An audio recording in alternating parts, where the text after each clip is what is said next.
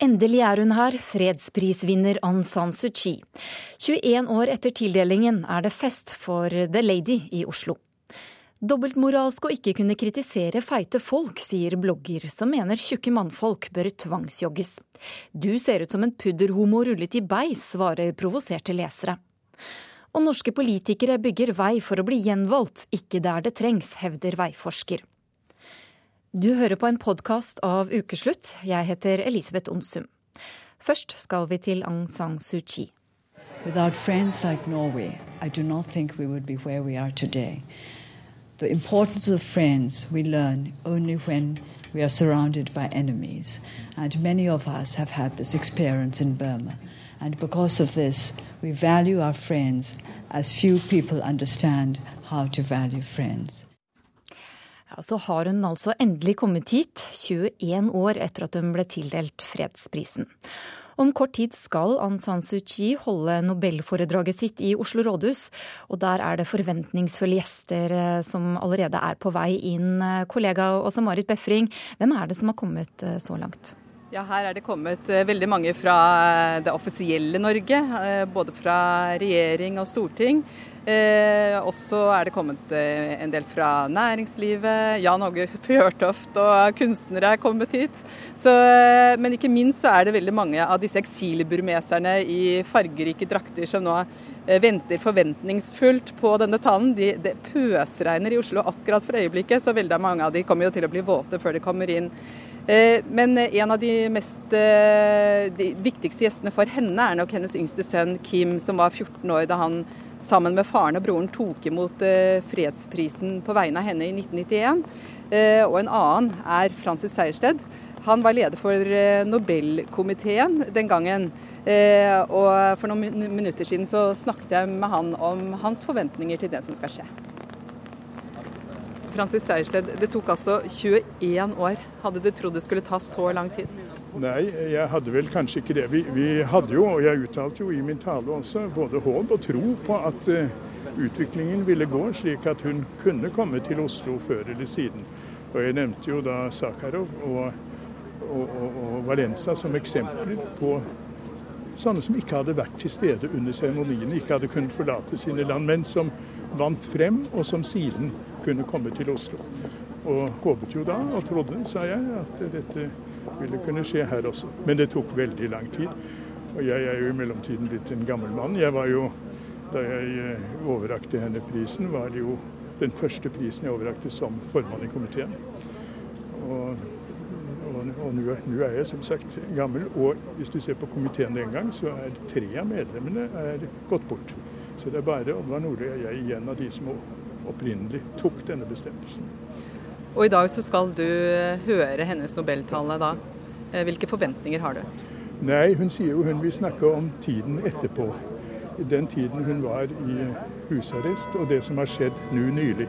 Og Det er jo veldig spennende å høre hva, hvilke forventninger hun har til, til utviklingen videre. Jeg går ut fra at hun kommer til å si noe om det. Tror du det blir en forsiktig tale? Ja, hun har jo nå gått inn i en politisk rolle, og det vi har sett, det jo, viser jo at hun, hun, eh, er litt varsom med hva hun sier og hvor krast hun uttaler seg.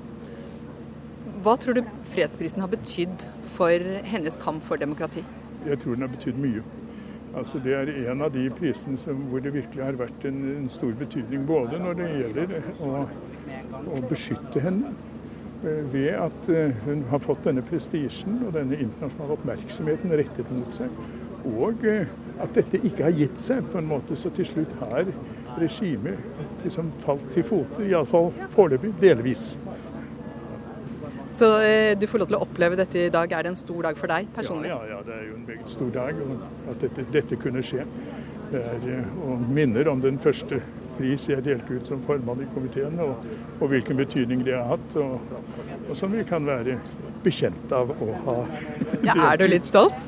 Ja, ja. Jeg er jo litt stolt både, men, men både for denne og for andre. For all del. Ja, Det var en stolt og forventningsfull Frances Sejersted eh, der. Men Åsmar Befring, du har også snakket med trompetist Ole Edvard Antonsen, som er mer engasjert i Burma-saken enn eh, mange vet. Så bestemte vi oss for å reise ned til Burma. Vi ble smugla inn fra thailandsk side og inn til Maniplo, inn i, til Karen-folket og de studentene som måtte flykte ut fra Rangoon ved det studentopprøret der. Og det gjorde vi under siste helga på Lillehammer-OL. Ole Edvard Antonsen er trompetist i verdensklasse. Musikken har han også brukt i kampen for demokrati i Myanmar, tidligere kalt Burma.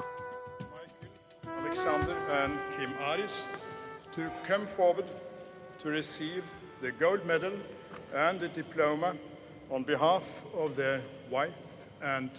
To og et halvt år etter at Aung San Suu Kyi ble tildelt fredsprisen, ble han smuglet inn i landet sammen med Sigvart Dagsland og Caroline Krüger.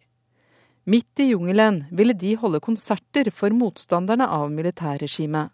Vi visste jo ikke helt hva vi, hva vi gikk til på den ene siden, men eh, det var veldig viktig for oss på en måte å sende en sterk melding til de som kjemper den kampen der nede, om at det, vi sitter ikke bare langt unna å på en måte støtte saken den veien, men også ved å møte opp og vise at vi virkelig har et ordentlig engasjement.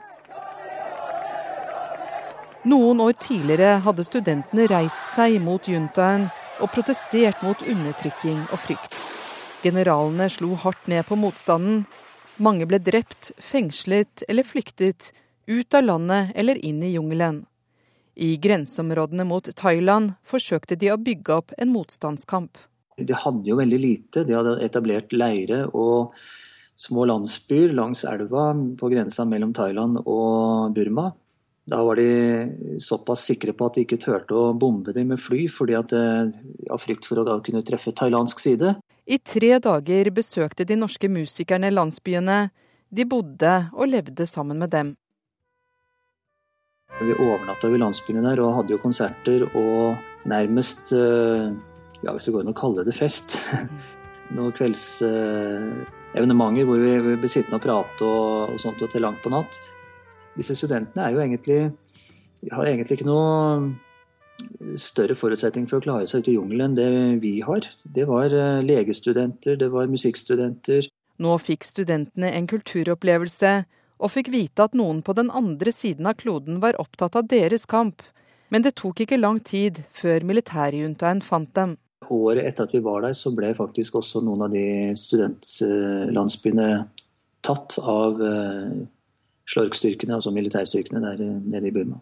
Ole Edvard Antonsen holdt mange støttekonserter etter at Aung San Suu Kyi ble tildelt fredsprisen uten å få hente den selv. I Oslo rådhus skal han spille for henne når han avslutter seremonien med to egenkomponerte stykker. Jeg kjenner det sitter litt ekstra fordi jeg føler at det, det er en sak som jeg har fulgt opp eh, litt ekstra. Jeg er redd jeg blir starstruck.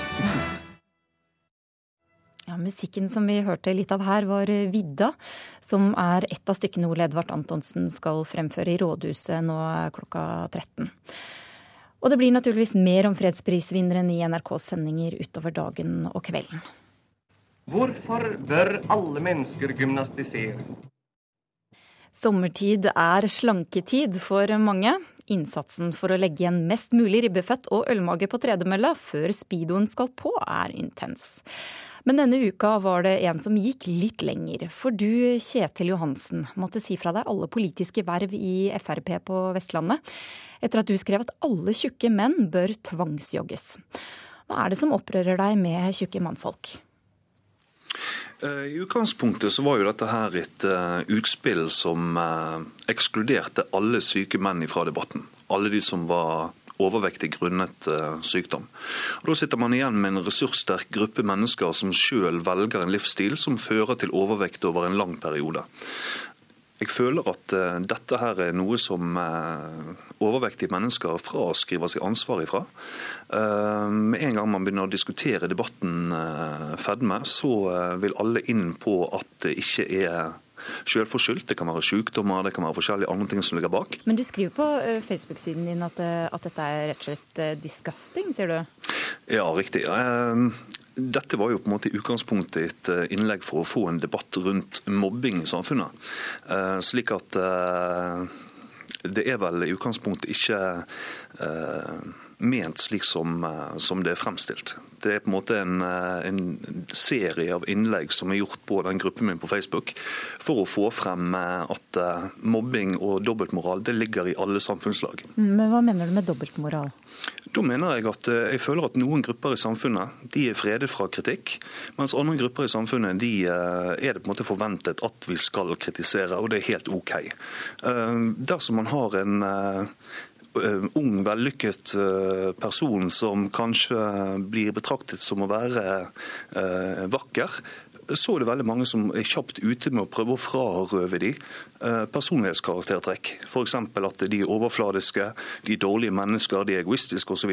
Mm. Mens når man snakker om overvektige personer, så blir de ilagt positive personkarakteristikker, som f.eks. de er veldig gode på innsiden osv. Kristian Fjellanger, eh, du er forfatter av boka 'Feit mitt liv som tjukkas'. Og på ditt eh, tyngste så veide du 140 kilo ca. Nå ser det ut som det veier omtrent halvparten. Hva tenker du om det Kjetil Johansen sier? Jeg kjenner at det blir ganske provosert over at det er nødvendig å bruke uttrykk som 'disgusting'. Eh, man vet at 50% av 15 år gamle jenter i dette landet her går rundt og føler sjøl at de er for tjukke. Folk skammer seg over kroppen sin. Og det Kjetil er med på å gjøre her, er jo å påføre flere folk, og ikke minst ungdommene våre og barna våre, skam for egen kropp. Og, og da å holde seg til sånne karakteristikker syns jeg gjerne han kan holde seg for god for. Nå nå er det jo klart at uh, helse- og fedmeutfordringene i Norge er jo, uh, alvorlig, er jo en alvorlig utfordring som må tas med en seriøsitet som det fortjener. Men, men da å, å, bruke denne slags form for ord og uttrykk for uh, ei gruppe syns jeg er helt unødvendig. Kjetil Johansen, hva sier du til det? Altså, Da tenker jeg i utgangspunktet at uh det å bruke, bruke, sterke ord det er ofte nødvendig for å bli hørt. Eh, dette handler i utgangspunktet om å faktisk få et budskap frem i media. og Da nytter det egentlig ikke å bruke eh, vendinger som de aller fleste er enige med, for da nikker folk, og så går de videre. Hvor tjukk skal det være lov å være, da? Altså I utgangspunktet så skal man jo ikke være helsefanatisk heller. Eh, en eh, trivselsvekt eh, pluss minus. Nå har jo Verdens helseorganisasjon sagt noen ting om hva som er overvekt og hva som ikke er overvekt. Overvekt er per definisjon helseskadelig. Det påfører mennesket et forringet livskvalitet. Jeg har sjøl vært samme vekten som det vet Vi, men det er, det er nok en del folk som kanskje klassifiseres som overvektige, som ikke nødvendigvis sliter med så veldig mange helseplager, men de er, de er overvektige. Når, når bør tvangsjogging settes inn? Altså Tvangsjogging er vel utgangspunktet et uh, argument som er brukte for å bli hørt. Men du kan si jeg har selv vært 140 kilo, slik som uh, min motdebattant her har vært. Og I den perioden der så førte det faktisk til en hel del plager, både fysisk og psykisk. Og uh, du kan si at Jeg følte da at dette førte til bl.a. at jeg fikk behov for å trekke meg tilbake igjen, isolere meg. Jeg gruet meg til sommeren. Jeg merket blikket fra folk, at jeg følte meg uvel, følte meg utilpass. Og det vil si at jeg tror faktisk ikke de at overvektige mennesker nødvendigvis har det så bra som de kanskje vil framstå som. Er dette noe du kjenner deg igjen i, Fjellanger? Både òg. Sånn, når jeg var tjukk, så levde jeg et helt aktivt, normalt liv eh, og bidro til samfunnet som, eh, som, jeg gjorde. Eh, da han sier i forhold til det med å føle seg behov for å trekke seg tilbake og at han ikke var fornøyd, da tenker jeg det er jo akkurat da Kjetil her gjør med, med ungdom som, som, i dag går og sliter med eget selvbilde. Nå har man i ukevis sett framsida på Dagblad, på VG, på alle ukeblader om sånn skal du få sommerkroppen din, sånn skal du bli perfekt. Og det er liksom sånn, da jaget man har mot det perfekte, det er helt helt greit å være 5-10-15 kilo eh, overvektig. Det er ingen problem så lenge man har eh, en sunn livsstil og er i bevegelse. For det er jo det det handler om. Det handler jo ikke om eh, at man skal være perfekt, det handler om at man skal være fornøyd i egen kropp. Men Hva var det som fikk deg til å bestemme deg for å gå ned i vekt? Uh, mitt uh, utgangspunkt for å gå ned i vekt Mange tror jo at overvektige tenker på diabetes og, og vondt i knær. Sånn. Jeg vil i bunn og grunn uh, være mer attraktiv for å få mer sex. Hjalp det? Uh, ja. Du da, eh, Kjetil Johansen, er det noe du kjenner deg igjen i? Ja, selvfølgelig. Altså, Dette har jo også med selvtillit å gjøre. På Facebook-siden din så, så, fremstår du jo som en som bryr deg ganske mye om utseendet ditt. Hvordan tror du folk ser på deg? Altså, Etter at jeg kom med denne brannfakkelen her, så har vel egentlig jeg blitt møtt av i hvert fall eh, 1000 kommentarer som har gått på mitt utseende. Hvor folk på en måte da har karakterisert meg basert på hvordan jeg ser ut. Eh, slik at eh, det å på en måte karakterisere folk basert på utseende, det virker begge veier. Det er ikke bare imot tjukke folk, det skjer også mot tynne folk, mot brune folk, mot forfengelige folk, you name it. Ja, Hva er det de sier? Nei, da er det noe sånn som at jeg er en pudderhomo rullet i beis, jeg er sminkedukke, jeg er feminin, jeg ser ut som en idiot osv. Og alle disse personkarakteristikkene kommer jo da basert på hvordan jeg velger å se ut. Men syns du det er greit? Selvfølgelig syns jeg ikke det er greit. og Det er det egentlig denne debatten handler om. Det handler faktisk for meg om at det finnes en dobbeltmoral i samfunnet, hvor alle mennesker faktisk bruker utseendet til å karakterisere og undertrykke andre. Spesielt hvis de har en følelse knyttet til uh, saken som debatteres. Da mister de evnen til å diskutere sak og går direkte på person. Fjellanger. Jeg er helt enig. Du skal selvsagt ikke bli bedømt ut av ditt utseende, men det er jo akkurat da du gjør når du kaller overvektige mennesker disgusting. Uh, så da tenker jeg at du bør kanskje begynne med deg sjøl, uh, og ikke kalle kalle andre mennesker for disgusting, så uh, håper man at det òg er med på at mobbing generelt sett blir det mindre av, uansett hvordan man ser ut. Noen ganger så må man faktisk eh, knuse noen egg for å lage en omelett. Det vil faktisk si at noen ganger så må man bruke sterke uttalelser for å få et fokus på et samfunnsproblem som er så stort, men som folk faktisk benekter at eksisterer når du prøver å debattere det i en saklig form. Mm. Vi må faktisk runde av. Takk til Kjetil Johansen, blogger og tidligere Frp-politiker, får vi si. Og Christian Fjellanger, eh, du er forfatter. SV har hatt sommeravslutning denne uka. Der serverte de jordbær med sukker på under overskyet himmel. Partiet som nå ligger under sperregrensa på flere målinger, har servert sin egen sukrede oppsummering av året som har gått. Her kommer vår. Og Vegard, jordbær. Jordbær, ja. Har du fått? Det er jordbær, Marie. Jordbær, Fredrik. Jeg tok for mye Møllers tran. Ja. Beklager. En dame som uh svært mange av lytterne har stiftet bekjentskap med fra før. Du vet, Nå har vi leie ned på denne sperregrensa i ganske mange måneder. Så er det dårlig trøst å ligge der i lag med, med, andre. Det er akkurat sånn som med husarbeidet. Du ser det ikke hvis det blir gjort, men hvis det ikke blir gjort, så ser du det. Skrubb og børste og såpevann. Eh, vi er eh, mange småbarnsforeldre. Det er vi hvis vi ser bort fra Heikki Holmås. Jeg er Heikki fra Sosialistisk Venstreparti. Jeg vil forandre verden, skape ting i folks regi. Folk som meg fra SV, ja, det stemmer at vi er på jakt på høyresiden, og da skremmer vi de. Jeg har stor oppslutning blant folk, men Audun har enda større. Da, eh, da, er, det, da er det streit. Da er det tid for å trekke seg. Jeg har ansvaret for de feil som er begått, og jeg tar ansvaret at jeg har tatt den beslutning at jeg ønsker å gå av som statsråd. Men så lett blir dere likevel ikke kvitt meg. Ingen skal få kuke det her til. Den beskjeden kom som lyn fra klar himmel eh, for meg. Jeg gjør det fordi jeg eh, ser at jeg ikke har den støtten som er nødvendig for å kunne vinne. Forbanna sludder du sitter her og preiker! Alle må jo jobbe, skjønner du ikke det? Jeg, jeg syns at eh, SV i, fremstår nå som veldig smalt. En del av det vi ser her er jo egentlig ikke fornyelse, men det er et SV der man kan lure på om man skal eh, med ryggen inn i framtida. Jeg er lei meg for å ha satt partiet i den krevende situasjonen vi er i nå.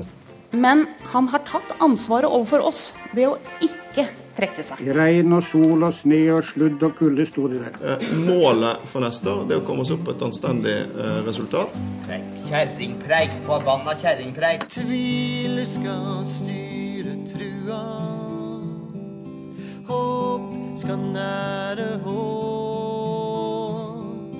Kjærligheta kjenner ingen grenser. Vi har vært ute noen vinternetter før. Det blir snart vår. Det var Helgar Torgvær som hadde satt sammen dette innslaget. Du hører på en podkast av Ukeslutt. Fortsett med det, og hør at Turboneger er bandet som aldri gir seg. Nå gjør de 40 år gamle gutta comeback. Velg diesel for å spare miljøet, sa regjeringen i 2007. Nå blir det forbudt å bruke dieselbiler på kalde dager i Oslo. Ikke rart folk føler seg lurt, mener Trygve Hegnar. Og Torunn Kanutte Husvik lurer på hvordan de samme psykiaterne som driver med ungdomsskoleoppgjør i retten, skal hjelpe henne å komme videre etter Utøya. Norske politikere bygger veier for å bli valgt, ikke der det trengs mest. Det hevder veiforsker Knut Boge. Denne uka fikk samferdselsministeren Stortingets støtte til tunnel fra Stavanger ut til Ryfylke. Samtidig mangler det penger til gang- og sykkelvei langs dødsveien E18 i Telemark, der reporter Kari Li prøvde seg som fotgjenger. Ukeslutt er på E18 i Bamble i Telemark, også kalt Dødsveien. En skjønner fort hvorfor. Jeg kan stå litt lenger. De syns det er helt greit at ungene kan eh, gå og sykle her. Det syns de er helt greit, men at når vi står og tar bilder her, så må de ha refleksvest. Vidar Tellefsen er leder i Aksjon E18. Årlig inviterer han journalister og politikere til å risikere livet som syklister her, hvor barna i Bamble må sykle. Kleppa nekta å være med å sykle. Hun syntes det var livsfarlig å sykle her. Og eh, det syns selvfølgelig vi òg, men vi har vår sykkelaksjon for å markere og vise hvor farlig det er å sykle her. Men politikerne og Vegvesenet de eh, ønska ikke da å delta, for de tør ikke. De syns det er helt greit at andre sykler her, tydeligvis. For de vil ikke prioritere gang- og sykkelvei. Statsråd Meltveit Kleppa. I går gjaldt det Fønhus Bagn. Eh, Senere i dag gjelder det Hålogalandsbruna, og nå Ryfast. Samferdselsminister Magnhild Meltveit Kleppa presenterte Norges viktigste veiprosjekter for Stortinget denne uka. Ryfast, som noen kaller Kleppas vei hjem, gir fastlandsforbindelse til rundt 20 000 mennesker i Ryfylke og koster 5,5 milliarder kroner. Alle som har levd med den tvangstrøya det er å alltid måtte forholde seg til ferjeruta, vil forstå hva lette dette vil være. Ryfast ble vedtatt, og dermed var det tid for feiring hos Kleppas partikollega på Vestlandet, Geir Pollestad. Nei, jeg feirer det med en god kopp eh, kaffe fra et eh, Ryfast-cruise og en liten kakebete. Denne type tunneler har vi mange av på Vestlandet, og vi skal ha flere i framtida. Eh, noen vil si at det er litt råflott å bygge så dyr vei til så få mennesker? Ja, nå er det først og fremst viktig å si at det er jo innbyggerne i Rogaland som gjennom bompenger skal betale for veien. Eh, så må en huske at dette er en av de mest næringsrike regionene i landet. Ja, Hvis du ser på antallet mennesker det fanger opp, så er jo det relativt begrenset. Så det er klart det er jo sikkert et fint prosjekt for de det gjelder. Studieleder ved Høgskolen i Oslo og Akershus, Knut Boge, er alle samferdselspolitikeres skrekk. Han har faktisk forska på norsk veipolitikk, eller mangel på sådan, i mange år. Vi har et finansdepartement som nærmest har regnet uh, veier, jernbaner, som bortkastede penger. Og vi har hatt si, politikere som har vært mer opptatt av å da få sin lokale veistump og bli gjenvalgt, enn å lage, lage et veinett som er bra for AS Norge. Fins det noen andre land i verden som gjør det sånn som Norge? Jeg har ikke hørt om det. Valgordningen i Norge gjør at velgere i grisgrendte strøk har mest makt. Det er nødvendigvis ikke samsvar mellom de på Stortinget og befolkningens interesser. Dermed blir det firefelts motorvei i Ryfylke, mens Telemark må vente. Vi ser jo traktorer her, da. Det er jo mye Bøndene bruker jo E18 som sin vei til jordene. Vidar Tellefsen gir ukeslutt en guida kjøretur på E18. Vi kjører nå på den verste strekka som er mellom Oslo og Kristiansand. Så her har vi over 100 av- og påkjøringer. Og her går og sykler folk langs E18. Med, på det meste om sommeren så er vi oppe i en 1800 og 2000 biler. Det betyr at vi har én bil for hvert tredje sekund. For oss som bor her, så er det helt tragisk. Men det mest tragiske står å lese på en selvlysende lastebil Tellefsen har parkert ved E18. På den står dødstallene og et kors for hvert menneske som kjøres i hjel. Statistisk sett må Tellefsen sette opp 15 kors til før Telemark får ny firefelts motorvei i 2017. Den verste ulykkesommeren hadde vi i 81. Da var det 13 drepte på 14 dager. Siden 2005 har Tellefsen brukt all sin fritid på å jobbe for en sikrere hverdag for bilister og myke trafikanter langs E18. Han forstår ikke politikernes prioriteringer. På Vestlandet så er det mange plasser som ikke har gjennomført veiene. Altså Tunnelene slutter i, i, midt i fjellet. Og jeg syns det, er, synes det er rart at de bruker så mye penger på en plass som det er så lite folk, egentlig. Stortingsrepresentant Geir Pollestad mener det er hans jobb å sørge for at Rogaland kommer først i køen. Nei, Som representant for en region så er det jo viktig å levere varene i eget fylke. Det er nokså sjølsagt. Eh, for meg er prosjekt som E134 fra Haugesund til, til Oslo viktig prosjekt. E39 e fra Stavanger til Kristiansand viktig. Og det å få på plass både Ryfast og eh, forhåpentligvis om noen år Rogfast, eh, som er kryssing av Buknafjorden, det er klart det er viktig, fordi at folk er opptatt av samferdselspolitikk. Vi slipper ikke temaet helt enda. Denne uka ble det nemlig full stopp for dieselbiler i hovedstaden, i hvert fall på kalde vinterdager. Det skjer fem år etter at regjeringen anbefalte folk å kjøpe dieselbil for miljøets skyld. Trygve Hegnar, du, er, eh, du har bl.a. Eh, fortid som forsker i Transportøkonomisk institutt, og i din egen avis Finansavisen skriver du at folk har grunn til å føle seg lurt. På hvilken måte? Jo, de er lurt fordi at i 2007 så mente jo da politikerne med eh, SV og daværende finansminister Kristin Halvorsen i spissen at nå måtte altså alle gå vekk fra, fra bensinbiler, fordi man mente da at de slapp ut så mye CO2, mye mer enn da dieselbiler, og nå skulle alle ha dieselbiler. Eh, og man foretok et avgiftsvedtak som gjorde det mye billigere å kjøpe dieselbiler. Så da skulle folket følge det. Og det norske folk er et veldig lydig folk, så i løpet av de årene fra 2007 til 2011 så kjøpte da folk eh, tre av fire biler var dieselbiler. Og så får de nå beskjed om at det var i grunnen galt tenkt, det var gale, gale målinger, man hadde ikke fått med seg at det var noe som heter NOx-utslipp osv. Og nå sier man da at nå, må, nå er det forbudt da på visse dager, som du sa i innledningen, så er det forbudt å kjøre da dieselbiler i Oslo visse områder på visse dager. og Da, da blir folk helt oppgitt, for de føler at liksom, først skal politikerne si at vi skal ha diesel, og nå skal vi bare ha bensin. Og Hvis jeg ikke husker helt feil, i 2009 så var SV ute på og sa noe så morsomt om at man skulle forby bensinbiler fra to, to, 2015.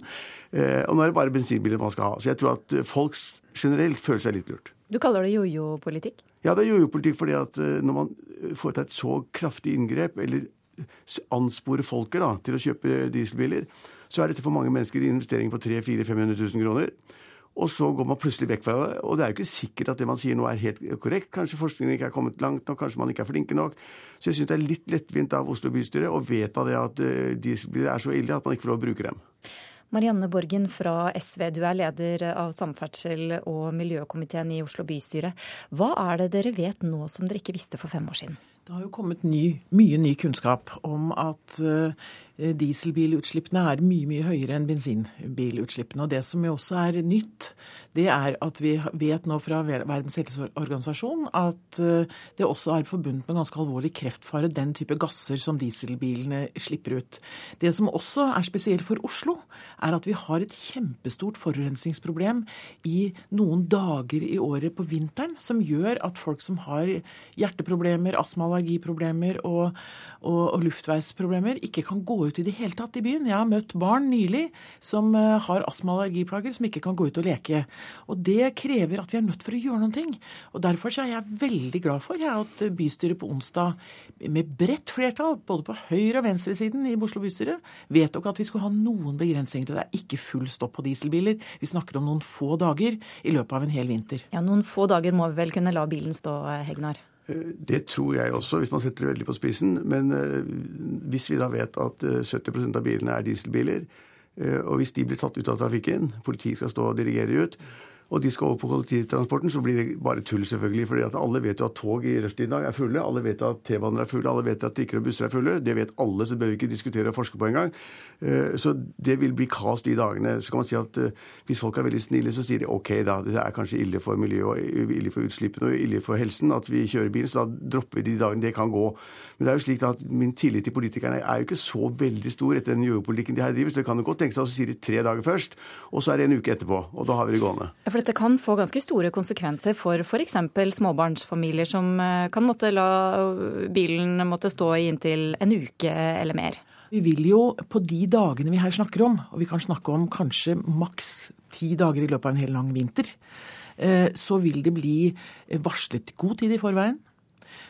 Og det blir lagt opp til økt kollektivtransporttilbud.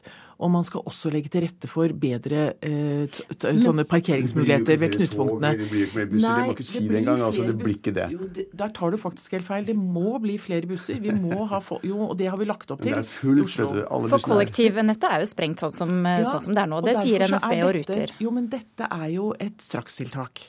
De langsiktige tiltakene på dette handler om å bygge ut kollektivtransporten. Eh, og det er vi nødt for å gjøre, for vi må nok erkjenne at byene våre, og særlig Oslo, med den befolkningsveksten vi har, har et så høyt forurensningsnivå at vi er nødt for å få flere folk fra å kjøre privatbil over på kollektivtransport. Så vi må bygge ut det. Det er det langsiktige tiltaket. Men hvor mye regner dere med å redusere utslippene med? Nei, det er jo beregnet. Dette er mange tekniske beregninger på det. Eh, og det er jo sånn at 90 av, eh, av utslippene som vi har, som er et alvorlig helseproblem, kommer fra dieselbiler. Både tunge kjøretøyer og personbiler. Eh, og det å redusere det noen dager hvor det er veldig veldig høyt forurensningsnivå over det nivået som anbefales av helsemyndighetene, så får det en umiddelbar effekt. Du får en umiddelbar effekt på lufta. Det er viktige tiltak. Jeg, jeg, tror at det er helt marginalt og ikke målbart engang. Men det, det vil jo vise seg. Eh, men ønsket er jo bra. Men jeg syns også man bør ha i bakhodet, som jeg sa innledningsvis, at det er jo litt morsomt da at SV da i 2009 ville forby bensinbiler fra 2015.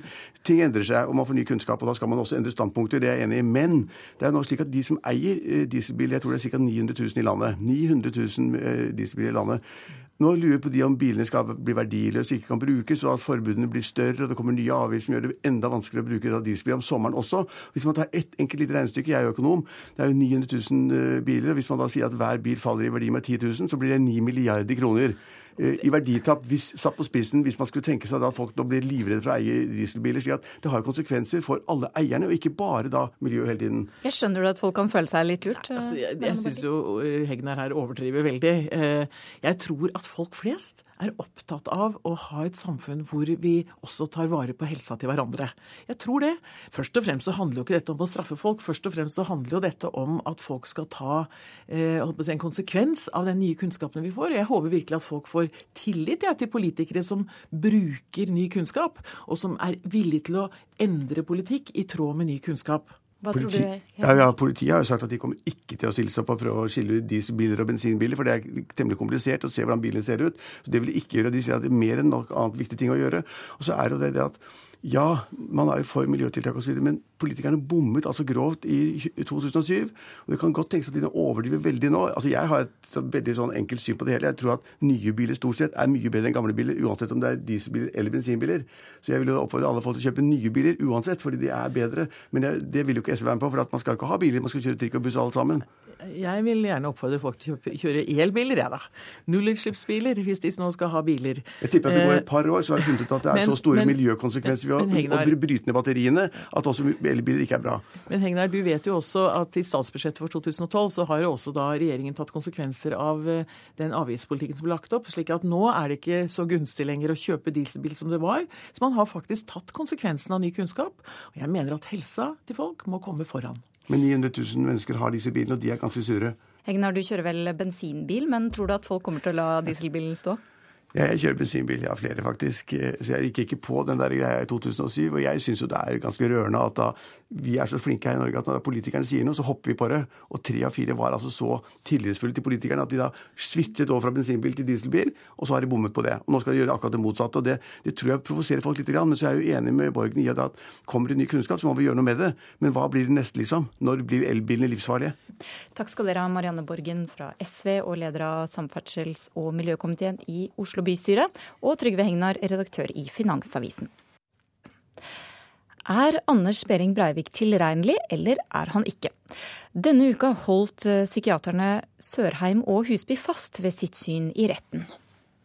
Det har vært hevdet mye om psykiatriens og også rettspsykiatriens renommé som en følge av vårt arbeid og vår erklæring, men jeg føler meg ganske sikker på at det i ettertidens kjøligere klima Utenfor blitslampenes og TV-studioenes livgivende varme vil være minst like stor undring og kritikk over mange kollegers til dels elleville, forunderlig, ufaglige og prinsippløse atferd, og som vil kaste skygger over psykiatriens renommé og behandling av denne saken. Jeg syns at eh, det er ikke riktig. Ut fra hva jeg har hørt i dag, så har ikke jeg hørt noe som på en måte gjør at jeg tenker at det, det kan dreie seg om en schizofreni. Nei. Mens sakkyndige argumenterer for forskjellige diagnoser, skal mange av dem som overlevde Utøya og regjeringskvartalet gå til nettopp psykologer og psykiatere for å få hjelp til å komme seg videre. Torunn Kanutte Husvik var på Utøya 22.07 og har sendt oss disse klippene.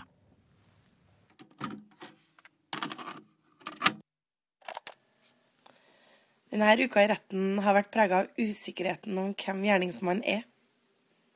Jeg vet at han er usympatisk og en voldelig politisk ekstremist. Men hvorvidt han skal være på sykehus eller i fengsel, det er ikke lenger så viktig for meg. Så lenge han er borte fra gata. Så lenge han er borte fra meg. Og samtidig som dette ungdomsskoleoppgjøret blant rettspsykiaterne finner sted, så prøver jeg og mange av mine å bryte ned tabuer knytta til psykisk helse, til sorg og til traumer. Det er et voldsomt fokus på psykiatere og psykologer om dagen. Jeg har lyst til å fokusere på dem som ikke er i retten. Til dem som har vært en del av kriseapparatet, som prøver å hjelpe oss og våre pårørende og mange av de andre berørte videre på ulike vis. Jeg håper at vi greier å ta ansvar for å vise at hodet også er en del av kroppen, og at det ikke er noe rarere å snakke med helsepersonell om tanker og følelser enn det å snakke om luftveisplager og ryggsmerter. Jeg tenker at hvis vi greier det, så kan det kanskje komme noe godt ut av alt det jævlige som har vært de siste 10-11 månedene.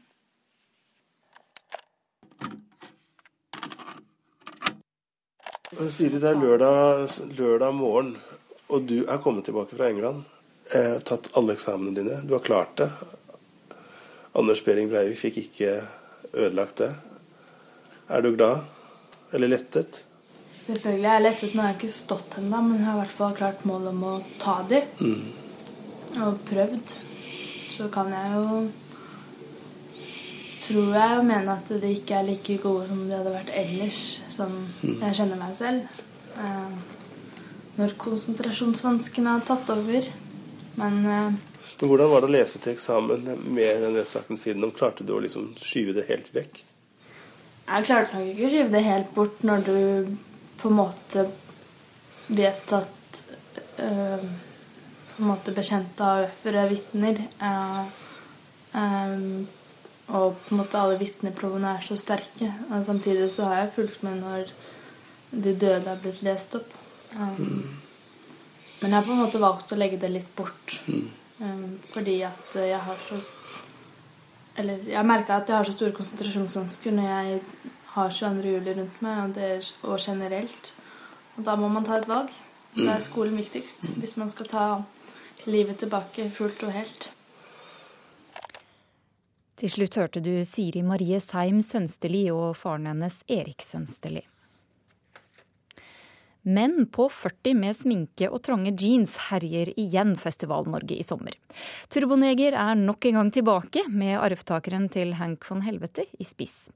Men klarer de fortsatt å vinne massene? Eh, vi er jo eh, rundt 40 nå, i snitt.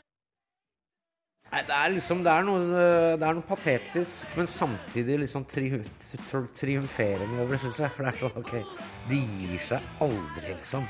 Nei, de gir seg aldri.